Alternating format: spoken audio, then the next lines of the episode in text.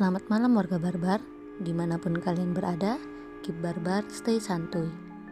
Nah, segmen Kamis Merinding hari ini datang cerita dari seseorang berinisial P. Daripada penasaran, langsung aja kita denger ya. Judulnya Sosok di Kamar Mandi Asramaku. Jadi, aku mau cerita pengalaman horor tapi cukup konyol yang pernah aku alami. Sewaktu SMA, aku bersekolah di sebuah pondok pesantren yang cukup tua dan besar di Pulau Jawa. Waktu itu aku masih santri baru dan anak-anak kamarku yang berkuliah masih mengadakan pengenalan lingkungan kampus dan pesantren hari itu.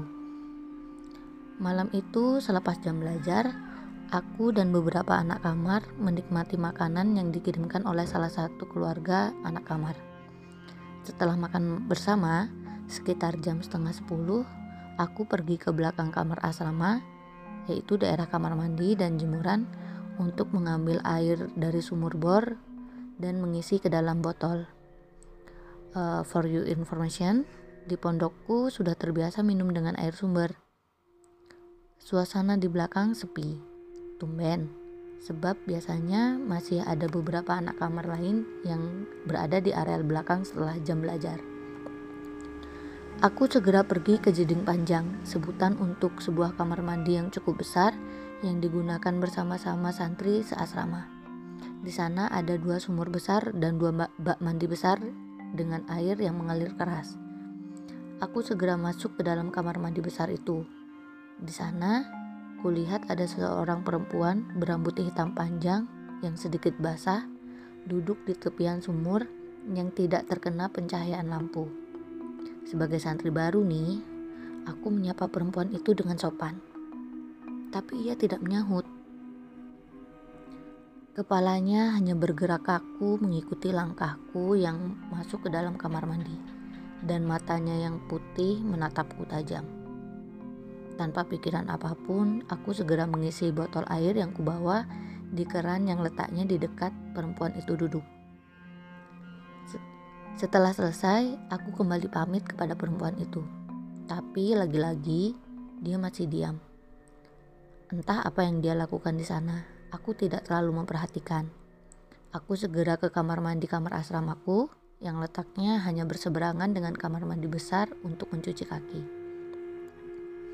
Kamar mandi asramaku lampunya mati, gelap, sangat gelap.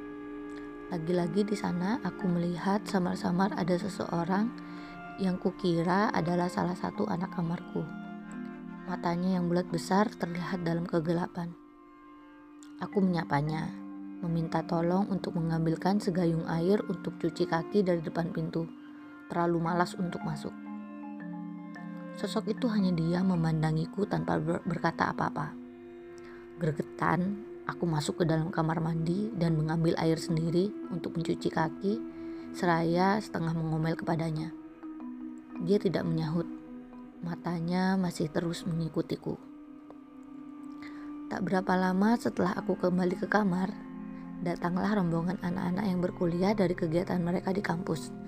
Salah satunya ada Mbak Nia, yang sosoknya kulihat di kamar mandi asrama. Aku segera menceritakan hal yang tadi aku alami di kamar mandi. Mbak Dian tentu terkejut dan mengatakan ia baru datang dari kampus dan belum pergi ke kamar mandi sama sekali. Lalu, siapa yang kulihat tadi? Sontak teman-teman kamarku berseru heboh, dan aku menceritakan semua kejadian yang aku lihat dan yang aku temui di sana, baik yang di sumur maupun yang di kamar mandi. Barulah saat itu aku baru menyadari dan bulu kuduku merinding. Sedikit ketakutan karena aku baru sadar kalau dua sosok yang aku temui tadi memiliki mata bulat putih dan tidak ada bagian hitamnya sama sekali. Mungkin karena aku tidak memiliki pikiran buruk atau berpikiran takut, jadi sosok-sosok itu sama sekali tidak menakutkan untukku, dan aku juga tidak merasa merinding saat berada di dekat mereka. Aku yakin mereka tidak menyakitiku, tidak ada niat untuk menyakitiku. Mereka hanya diam di sana. Ya, mungkin pesan yang bisa diambil, sosok-sosok itu ada di mana-mana.